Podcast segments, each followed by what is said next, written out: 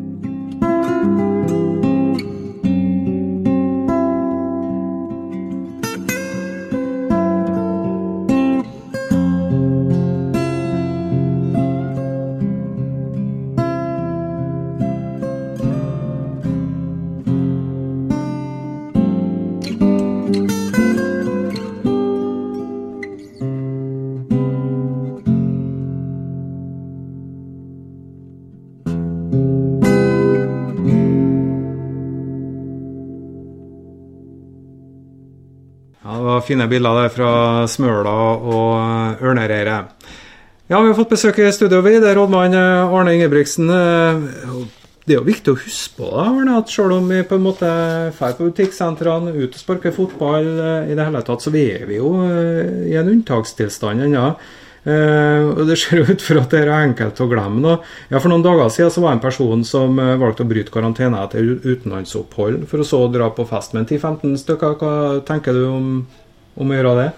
Det er to veldig utfordrende grupper i samfunnet. Det er dem som blir veldig hysteriske, og som på en måte får en sånn angsttilnærming til det. Og så er det dem som jeg kaller pubgåerne. Eh, basert på tidlig i epidemien så var det jo film fra London der man satt og skåla og kosa seg og så ei uke etterpå så var det fullstendig kaos og lockdown. Altså at man eh, ønsker å opprettholde det sosiale livet uten å være med på dugnaden. Det, det, er jo sånn at Den personen der har jo visst i tre måneder at det der er imot alle retningslinjer. Så så eh, det å bryte karantenetida og sånne ting, det er jo naturlig nok. Alle skjønner jo det, gjør jo sikkert han òg, at det skal han jo ikke gjøre. Men eh, det er jo viktig å, å gjenta det, da. Eh, vi skal snakke litt økonomi, tenkte jeg, Arne. Du driver og regner på da, hva det her koster oss. Nå begynner vi å nærme oss ja, la oss kalle det en ny normaltilstand. Da. Er det mye merkostnad i den fasen av koronapandemien? Hvis en forutsetter nå at skolene eh, på en måte eh, ikke pådrar seg vesentlige merkostnader nå i, inn mot sommeren, og får åpna på vanlig vis, da, men skal kalle det det i august, så, så vil jo den sektoren være i orden. Jeg tror nok at vi vil få mer trykk på barn, familie, helse, altså oppfølging av dem som har vært gjennom en krevende periode. Uh, inneholder jo barnevernet, miljøterapeuter etc. Eh, forskjellige veiledere. eh, det kommer til å være noen tiltak igjen i sykehjemmene, for det er jo viktig at en har på en måte et sånn minstekrav eh, i forhold til fri tilgang. Eh, tidlig, altså før nedstenginga eller pandemien så hadde vi jo et sykehjem som egentlig var åpent for alle til å gå hvor de ville. Eh, og det er ikke sikkert det er like hensiktsmessig i en sånn lavpandemisk fase heller. Så der vil det nok være litt kostnader fortsatt. Eh, vi kommer til å holde beredskapen på, ganske på minimumsnivå. Eh, nå skal vi opp på ledergruppa på mandagsmorgen om vi går ut av beredskap. Så heller trår inn igjen da når man ser at kurven utvikler seg. Vi har ligget logget på en rundt 3 millioner i utgifter i måneden som er, som er direkte koronarelaterte. Mm.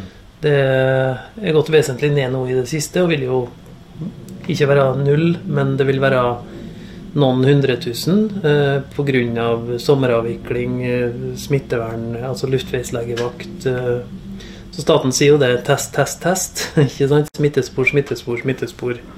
Så vi, vi må ivareta den kapasiteten. Eh, og så har vi selvfølgelig pådratt oss en god del ekstrakostnader med flytting av legevakta, men der har vi en avtale med foretaket om, som ikke er sagt opp, sånn at det, de kostnadene er jo eh, på vei over dit. da.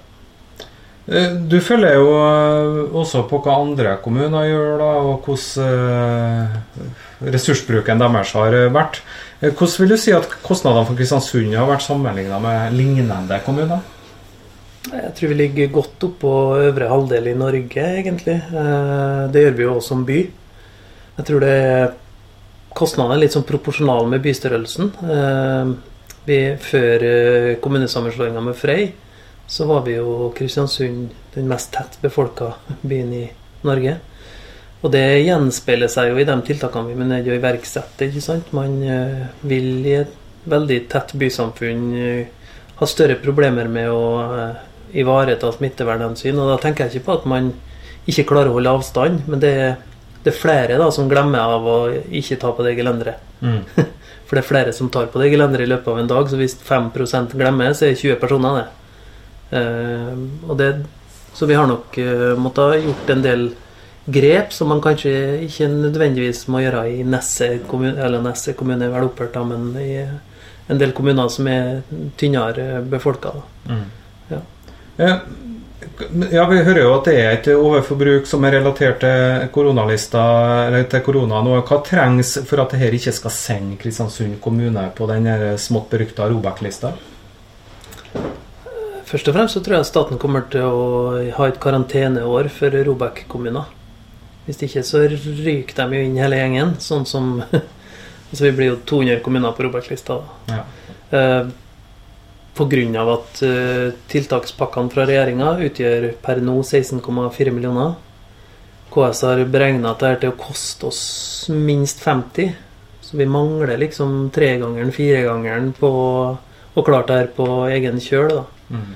Men uh, det er klart, altså dør det ut nå, og vi håndterer dette her, og vi er over i Hvis det ikke blir verre enn dagens situasjon, så, så kan det jo hende at uh, det de har gjort berger oss akkurat. Mm. Men det er jo ingen prognoser som tyder på at det her er over for evig.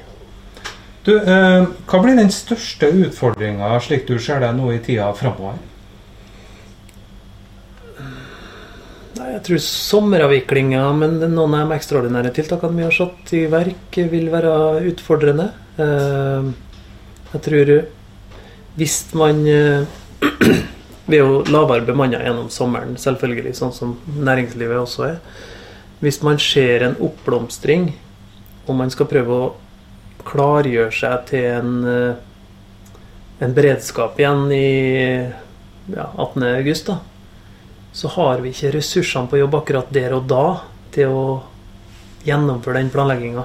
Mm. Så da må vi på en måte starte opp igjen i litt høy og hast, og kanskje skulle jeg jo eskalere fortere enn antatt, så, så må man jo begynne å tenke på å dra inn ferie eh, og, og de problemene det medfører. Eh, men det, det tror jeg er det største. Altså akkurat det å planlegge sommeren, klargjøre seg til en eh, eskalering av situasjonen hvis eskaleringa starter inn i ferieavviklinga. Det, det kan bli tøft.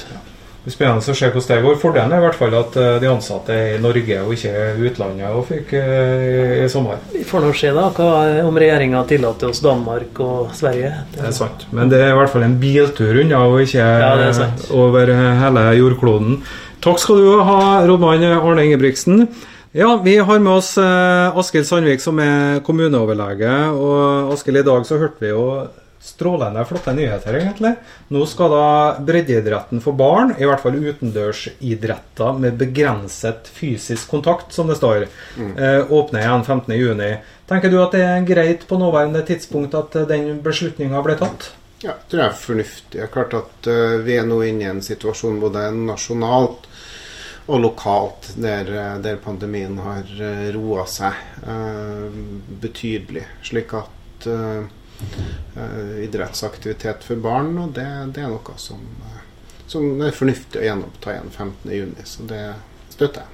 Kunne det ha skjedd tidligere, som eh, Ap-politiker Trond Giske eh, så betimelig kritiserer regjeringa for i dag? Ja, jeg syns kanskje det er dumt å, å, å kritisere om noe om du kunne åpna noe to uker før eller to uker etter. Det, det er såpass kort tidsperspektiv. Og som sagt, under pandemien her så er vi avhengig av å altså vi er avhengig av å åpne skoler og barnehager og så vente en to-tre uh, uker for å se om det fungerer. Så vi åpner litt etter litt. sånn at det her er jo eh, som et le- ledd i det jeg ser på som en gradvis fornuftig åpning av samfunnet. Så jeg syns ikke noe grunnlag for, for å kritisere dette her.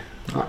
Nå er det jo 15. juni som er datoen at man starter opp på. Da. Det kommer kanskje godt med, da, for det er jo like før eh, også barneidretten går inn i en sommerpause der, vil jeg tro, Ja. med ferie og sånne ting. Uh, men hva må de være forberedt på nå de ukene de har frem til åpninga? Hva må de tenke på, alle idrettslederne som, som nå må ta tak? De må forberede egen organisering og egne smittevernsrutiner. Og da går det jo på det på hvilke grupper skal man ha, hvor store grupper skal man ha. eh, Man må legge til rette for eh, god håndhygiene. Og jeg tror det er viktig med informasjon til Og alle de reglene som da vil komme med med, da med vask av ball og det ene og andre. Og så jeg tror det er viktig å forberede ungene og, og foreldrene på det. For det er en ny hverdag som, som på en måte møter oss litt eh, likevel, fordi om vi får holde på med som du sier, barneidretter med begrensa fysisk kontakt. Ja. Kommer dere som jobber med smittevern også til å gå inn og se hvordan breddeidretten løser dette her? Guide dem og gi dem råd og vink? Ja. Og det har vi allerede gjort og i den gradvise oppstarten som har vært nå, så har vi vært i kontakt med, med flere. Og vi er i kontakt med flere idrettslag og, og, og, bidrar til at de skal løse utfordringene både som er frem til den 15.6 og det som på en måte kommer etter. Så vi, vi har godt samarbeid, vi har samarbeid både med breddeidrett, men vi har også godt samarbeid med, med toppidretten. Annet har vi godt samarbeid med, med, KBK om de utfordringene som, som de har i toppfotballen. Så vi, mm. vi er vi er på ballen, vi òg, i forhold til både breddeidrett, breddeidretten her. Da, så det skal vi hjelpe til med. Mm. Det er jo ganske inngripende tiltak her. sant? Man ser jo på de fleste delene her som kan utgjøre en, en smittevernrisiko. Mm. Eh, er dette her tiltak som vi bare må finne oss i å leve med nå i år fremover? Eller eh, ser vi for oss at eh, vi kan gå tilbake til helt normale tilstander etter hvert? Vi ser for oss at på sikt så vil jo samfunnet gå tilbake til normale tilstander. Eh, spørsmålet er jo når det blir. Eh, og det avhenger nok i stor grad om hvor raskt man får utvikla denne vaksinen. Men det avhenger òg av i hvilken grad pandemien utvikler seg nasjonalt eh, og lokalt. For man kan jo tenke seg at man kan få lokale utbrudd rundt omkring i landet som vil kreve tiltak som blir strengere. Mm. Men jeg, jeg, tror at den basisen med smitteverntiltak og de enkle basistiltakene, det er noe vi må nødt til å, å leve med lenge. Og det tror jeg også er fornuftig på mange måter. Men, øh, og jeg tror at i forhold til aktiviteter og ting som vi organiserer, så må vi øh, Vi har et unntaksår i år. sånn at vi må på en måte forvente å skulle leve under et slags regelverk og med, og med en en del restriksjoner det hele året. I større og mindre grad. Eh, som noe helt annet avslutningsvis, eh, kommuneoverlege Askild Sandvik.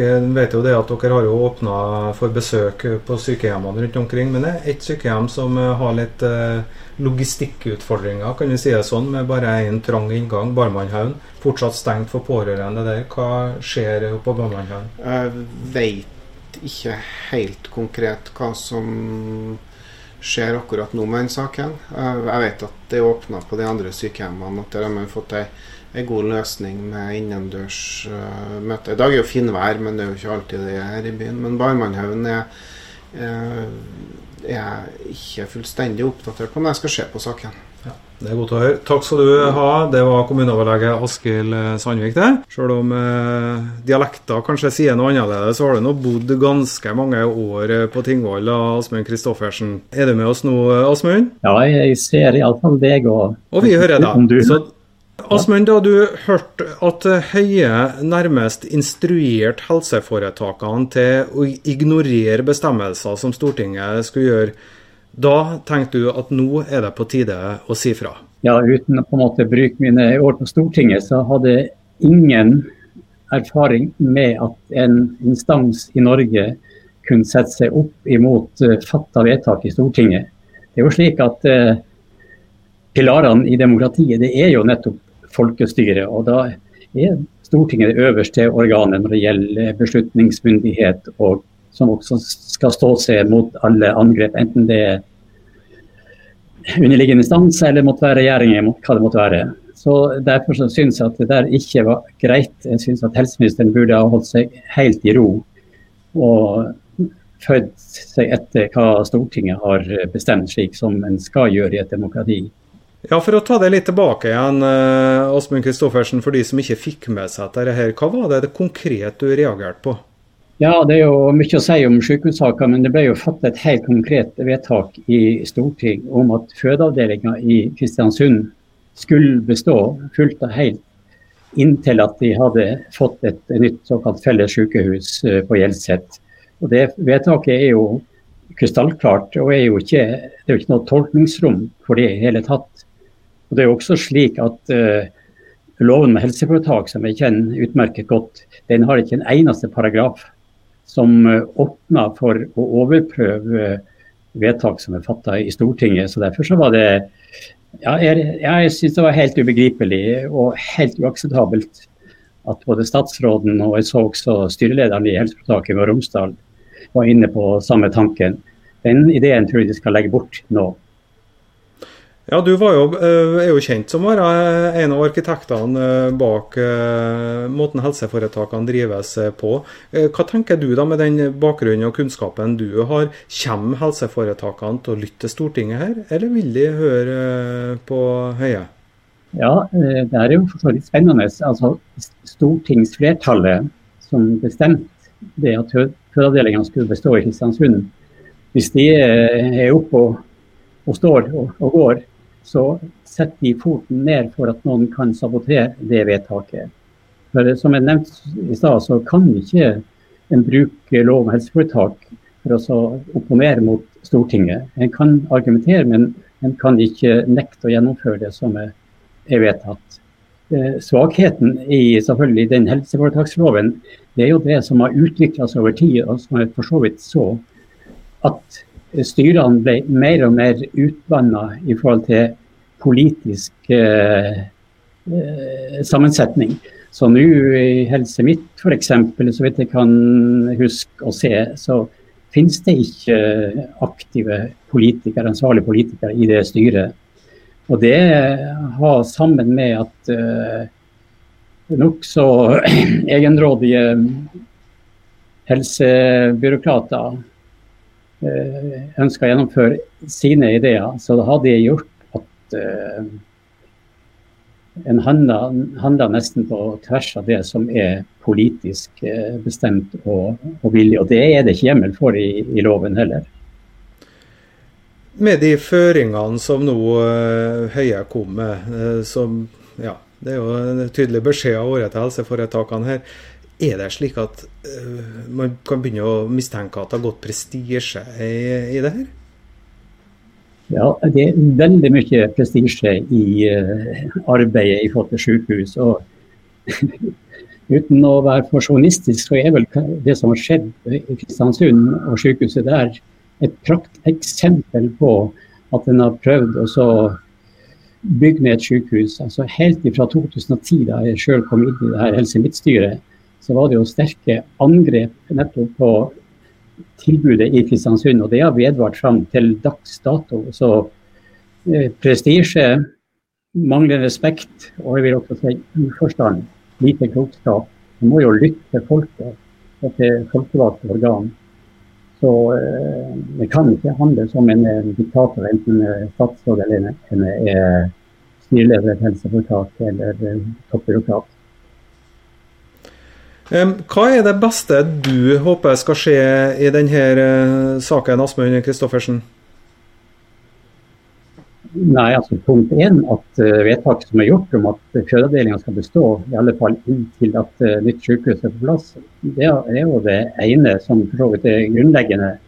Hvis det da er noen som prøver å se på noe annet, som er antyda fra statsrådet og fra styreleder i helseforetaket Møre Romsdal, så må jo stortingsflertallet si hør her, dette er vedtaket, det skal gjennomføres. Men sitter de passive på Stortinget, ja da kan jo mye skje. Så det er det jeg mener at Stortinget må være våken og, og jeg er sikker på at mange på Nordmøre og kanskje ellers òg vil sørge for å, å holde stortingsflertallet våken i denne saka. Det er jo et kraftfullt engasjement og veldig saklig og, og veldig berettiget, det som skjer. Lytt til fornuftige folk, og det har vi jo gjort i noen minutter nå også. Tusen takk skal du ha for at du var med oss i denne sendinga. Åsmund Kristoffersen, altså, som eh, bl.a. har 16 år på Stortinget bak seg og jobba mye med disse spørsmålene.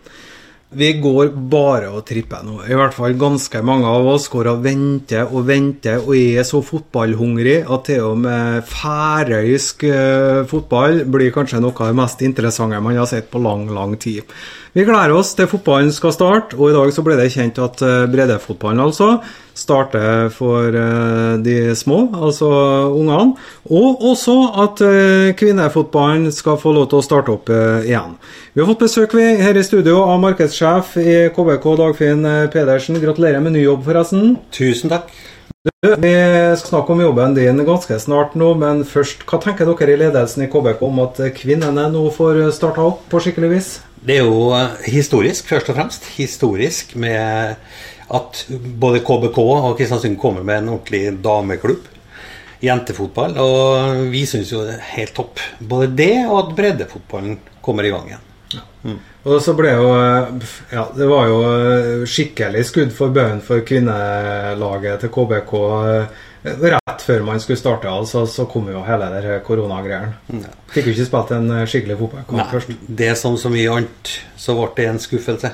Ja. Sant? Du, nå går jo dere en merkelig tid foran dere da, uten publikum på stadion. Hva får det å si for klubben sånn økonomisk sett at det ikke kommer et menneske og kikker på kamp? Det tærer på voldsomt. Det har tæret på voldsomt, og det tærer på voldsomt. Uh, at eh, vi eh, ikke får inn noe penger. Eh, det er jo mye det står om. Og det tærer på helsa til folk, det tærer på humøret. Folk er fotballhungrige, som du sier. Så men det er klart at det økonomiske i en fotballklubb, en liten klubb som KVK, det merkes veldig godt. Er publikumsinntektene det eneste bortfallet dere har, eller er det mye andre inntekter som har forsvunnet? Det er klart det er også salg på stadion. Det er jo en betydelig sak, det òg. Og så er det billetter, selvfølgelig. Og foreløpig så er jo vi eh, heldige og har eh, sponsorer som står der eh, fremdeles. Så vi får håpe at det fortsetter sånn. Ja. Lønner seg kanskje å ha sponsorer som ikke er voldsomt råka av koronakrisa sjøl? De er også det, så vi har stor forståelse for det. Mm. Ja. Du, eh, TV-penger, eh, overføringer fra Fotballforbundet og, og, sponsorer som du nevner nå, det er altså på plass? Ja. Mm. Nå starter jo dere en aksjon, eh, en aksjon med auksjon. Fant jeg at det var et fiffig ordspill her på eh, fredag, ikke sant? Mm. Eh, og da er det ikke småtterier som folk har donert og som skal selges i, til støtte for KBK? Jeg snakker vel om også, det er, helt, det, det er helt vanvittig å oppleve eh, hvor sjenerøse folk på Nordmøre er. Når vi vet at uh, firmaer flest sliter med, med, økonomien, så velger de altså å støtte oss uansett.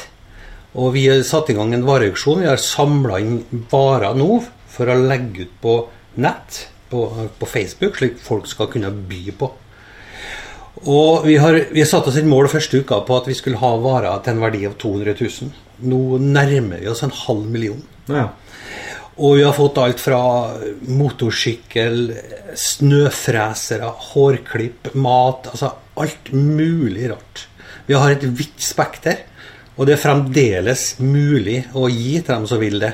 Bare så det er sagt. Ja. Så hvis man er en privatperson eller et firma som har et eller annet man har lyst til å donere til KBK, så er det bare å ta kontakt med deg? Det, med. Kjempe. Det er bare så enkelt. Så skal jo ta selges da etter hvert òg. Ja. Satser på at det blir eh, pengene sitter løst hos folket òg. Ja, så vi legger inn en utropspris, og så kan jo folk by. Og så får vi se.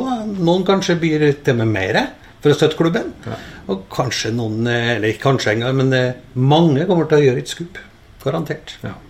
Så ser vi jo det at uh, Jeg snakka med en kar som driver sportsbransjen i går, og han fortalte at uh, etter koronakrisa så går det så grin uh, hos dem, faktisk. De selger mye sportsutstyr. Det tyder jo på at vi nordmenn kanskje har brent inn med litt penger nå. Vi har ikke fått brukt så mye som vi skulle gjort. Så, så vi, vi sitter, sitter, ganske godt i det òg. Det er jo kanskje noe dere får merke òg, forhåpentligvis? Ja, vi, jeg, jeg, lurer jo på hvor det kommer fra alt men jeg har jo bodd i Trondheim nå i 14 år. og har fulgt med klubben eh, i tykt og tynt. Og mest i, det har vært mest suksess så langt.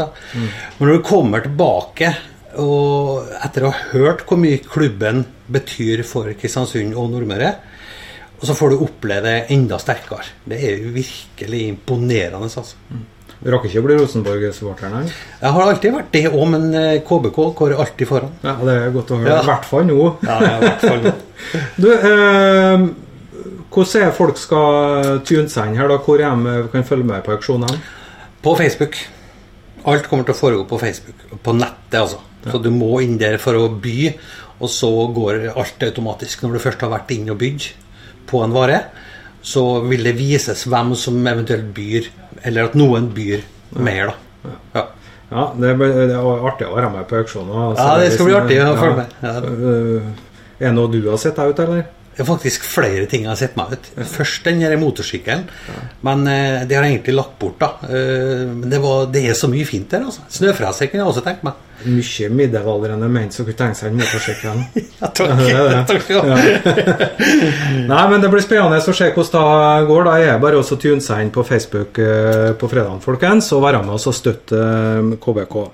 Ja, det er ikke tvil om at uh, Flammer Kastrati det er en vinnerskalle. Han liker seg godt i en posisjonen der, så vi får håpe at vi ser de to hendene der heva over uh, hodet på Kastrati mange ganger ute på Kristiansund stadion, og helst da etter han har skåra et mål eller to eller fem i løpet av en kamp. Og andre de oppdager en lidenskap eh, Ja, jeg skal ikke si, Tor eh, Jan Sivasen, at du er gammel nå, men i, i godt moden alder, da, kan vi si det sånn. Eh, for du eh, har begynt med dykking, og det har du nå holdt på med noen år nå, riktignok. Men det er ikke så veldig lenge siden du fant ut at det var noe du har lyst til å holde på med? Nei, jeg, jeg var gammel når jeg kom på at jeg skulle ha gjort det. Men altså gammel i gåseøyne. Jeg var 55 år. Og i dag så er jeg snart 62. Så jeg vet ikke om det er så veldig mange 55-åringer som begynner med dykking, og som på en måte får det som en lidenskap. Men eh, det har i hvert fall skjedd i mitt tilfelle. Ja, hvordan har det forandra livet ditt eh, de sju årene du holder på med dette? Jo, jeg har eh, tenkt at dette det her koser jeg meg med så mye at jeg kommer til å sannsynligvis holde på med det så lenge jeg kan. Og skal jeg holde på med det så lenge jeg kan, så må jeg også prøve å holde meg i sånn rimelig grei fysisk form. Eh, og det mener jeg at jeg har klart. Jeg, jeg, jeg prøver å det noen kilo, eller? Det har jeg òg gjort. Noen få kilo. Ja. Men uh, jeg har jeg prøver å trene, og jeg prøver å spise mer riktig og være litt småfornuftig. Og det gjør sitt til at jeg føler at formen er så god at jeg kan utfordre havet enda litt mer enn enn om du er utrent og i dårlig form. Ja, og så ser man jo så ekstremt unett ut i ei dykkerdrakt hvis en har kulemage. Det er for så vidt sant, men, eh, men det går godt an å dykke med kulemage. Ja, Altså. det gjør jo det. Men eh, det ser ikke noe bra ut, det må vi bare være enige om. Ja. Ja. Du, eh, det er jo ikke bare dykkinga som har blitt en person pasjon til deg. da. Det er jo også det du gjør når du er under vann, for du bruker masse tid på å filme. Ja. Og så setter du sammen de her videoene i ettertid. Hva, hva, er, hva er det som driver hva her? Dykker du for å filme, eller uh, filmer du når du allikevel dykker? Vet du, tar jeg et veldig godt spørsmål. Og, og, og jeg tror nok at svaret er eh, den der kombinasjonen. For jeg tror at hvis at jeg bare skulle ha dykka og sette meg rundt, så har jeg sannsynligvis ikke fått den driven til å dykke såpass ofte som det at jeg kombinerer med både å dykke for å se meg rundt og sette ting på tape. Og så ikke minst, det kan vi ikke underslå, det å få lov til å sette seg i godstolen med et redigeringsprogram og prøve å sette sammen noe som kan være for interesse for folk flest. Det er nesten prikken over i-en. Ja. Og så er jo, Det er jo litt kult. Jeg har nå jobba noen år i TV-faget, jeg òg. Så har vi jo en Svein Junge som sitter tilbake her og produserer en av sendinga her. Og vi begge to han er jo ganske imponert over det du får til. da. Ok.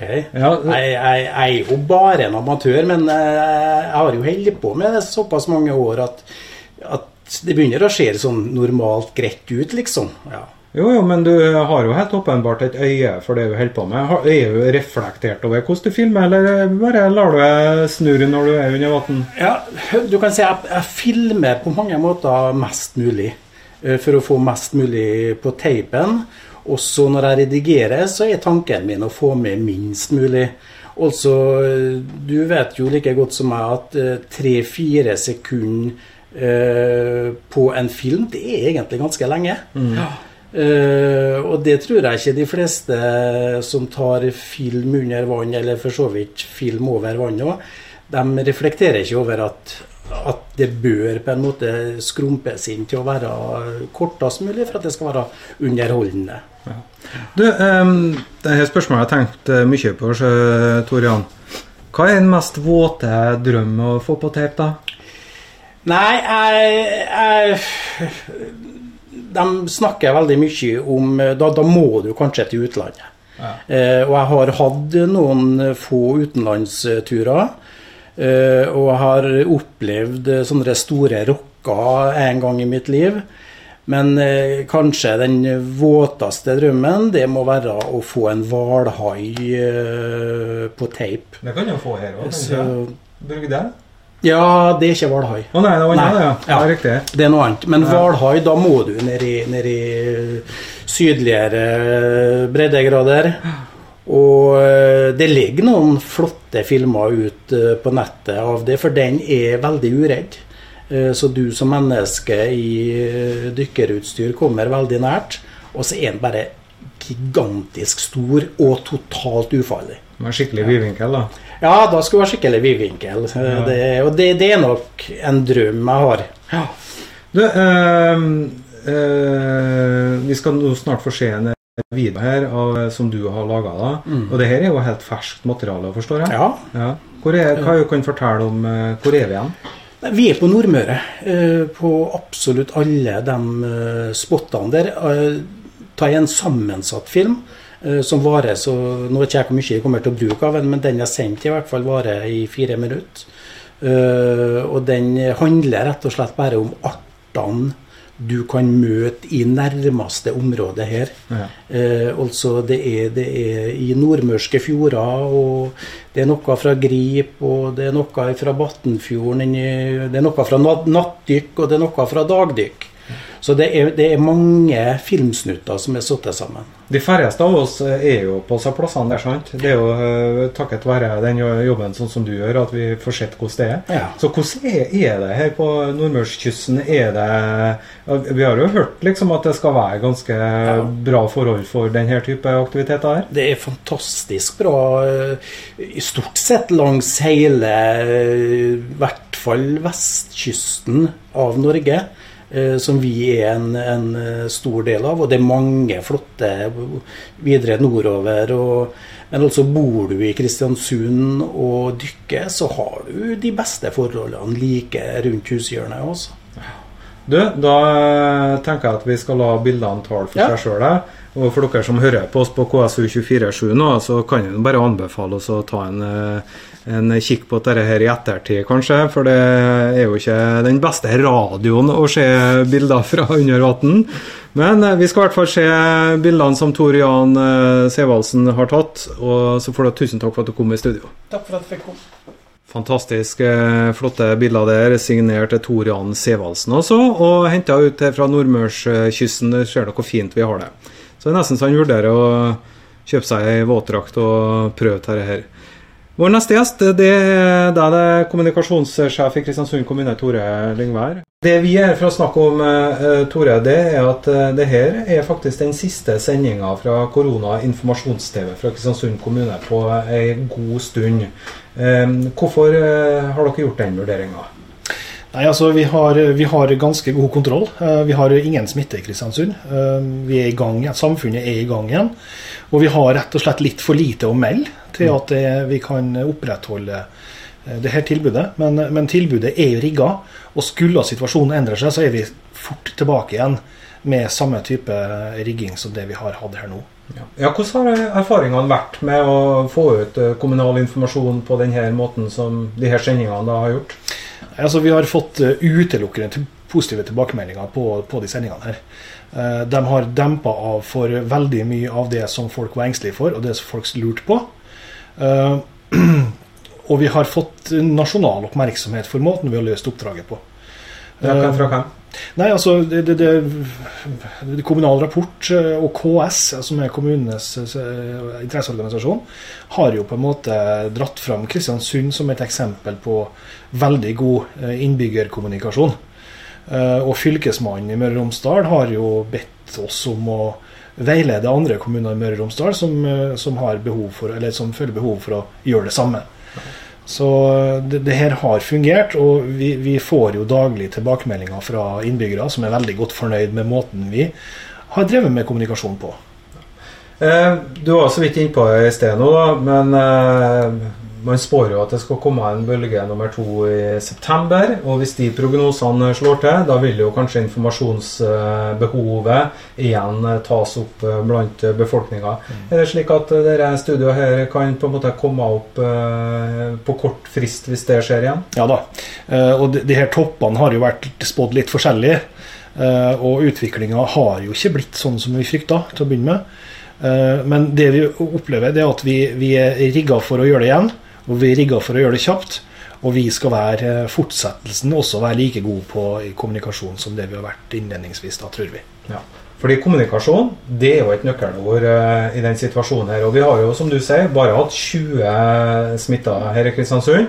Og mye av det kan jo skyldes rett og slett for at folk er blitt godt informert og vet akkurat hvordan de skal gjøre og hva de ikke skal gjøre osv. Mm. Hvem vet? Nei, hvem vet. Det, det, har i hvert fall hatt, vi tror i hvert fall det hadde en medvirkende årsak, samt uh, at vi har gjort godt arbeid ellers òg. Du, vi eh, står nå i hvert fall klar til å trå til igjen hvis det skulle bli aktuelt. Tusen takk skal du ha, Tore Lyngvær, som eh, er også kommunikasjonssjef. Så må vi bare legge til det at drømmesituasjonen det er jo at uh, det ikke blir noen flere CV-sendinger, For det tyder jo på at uh, hele koronaepidemien kanskje har ebba sakte ut. Og det har nå vært det vi får håp på i løpet av denne sommeren. Kjell Neregård, vår ordfører, har kommet inn i studio. Og Kjell, vi plukker tråden fra det vi prata med Tore Lyngvær om. Dette blir den siste sendinga med kommunal informasjons-TV i denne omgangen. Hvorfor valgte dere uh, å gjøre det på denne måten i, da dere starta opp med det?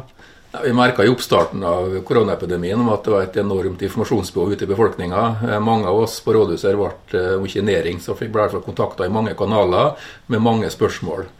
Eh, da kom vi på en god idé med å ha sånn TV der vi kan komme med nyttig informasjon til innbyggerne. og Det viste seg å være veldig effektivt. Vi merka umiddelbart at pågangen på oss som sitter sentralt på rådhuset, ble mye mindre med en gang. Og vi kunne gå ut med korrekt og riktig informasjon til alle samtidig når mange er på en omgang, og det er kanskje viktig, det.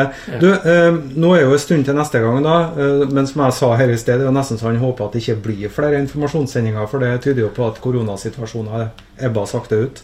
Men er det noe du vil si nå da, eh, til alle som eh, ser og hører på oss nå i den tida vi går inn i?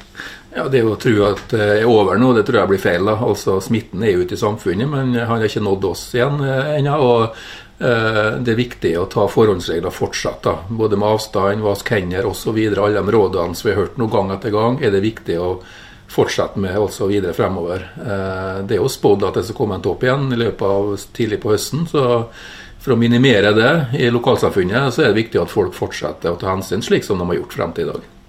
Ja, eh, nå går jo da kommunen mer mot en normaltilstand med de fleste virksomhetene opp igjen. Ser du også for deg at det vil gi en økt smittefare her i kommunen? Det er klart, det, det ser vi nå allerede. Hvis du ser på byen, nå, så er det mer folk ute enn hva det var for en måned to siden. Det er klart Nå kommer våren og sommeren kanskje også, i tillegg. Og at folk eh, møtes oftere. Så også på 17. mai at det ble kanskje litt for mye folk i sentrum som var samla sammen. og sånn vi må prøve å ta hensyn så godt vi kan, men uh, folk har et behov for å møtes òg. Men uh, konsekvensene det vet vi jo ikke ennå. Så man ser tendensene til at denne meterregelen den er, den er vanskelig å overholde? Den er vanskelig. Og så er folk som minner på hverandre. Ser jeg på butikker og slik, og med litt kremting, og 'nå står dere for tett' og slik. og det, det, det, og det og Det syns jeg bare er bra òg. Vi må ikke ta ille opp om folk kommenterer hvis vi på en måte gjør ting som kanskje ikke er innafor. Mm. Du, eh, det er jo et politisk liv her i kommunen eh, også som eh, man prøver å avvikle som normalt. Nå ser du for deg at dere har samla alle lokalpolitikerne på ordinært vis igjen. Er det liksom denne 20-regelen som legger litt demper på det nå, eller? 20-regelen legger en demper på det foreløpig, så vi kommer til å kjøre ordinært formannskap fysisk nå i neste uke. Men bystyret som vi skal ha I juni det tror jeg kanskje vi kommer til å kjøre fortsatt på Teams. For eh, bystyret da er vi samla sånn cirka, med administrasjon ca. 60 stykker.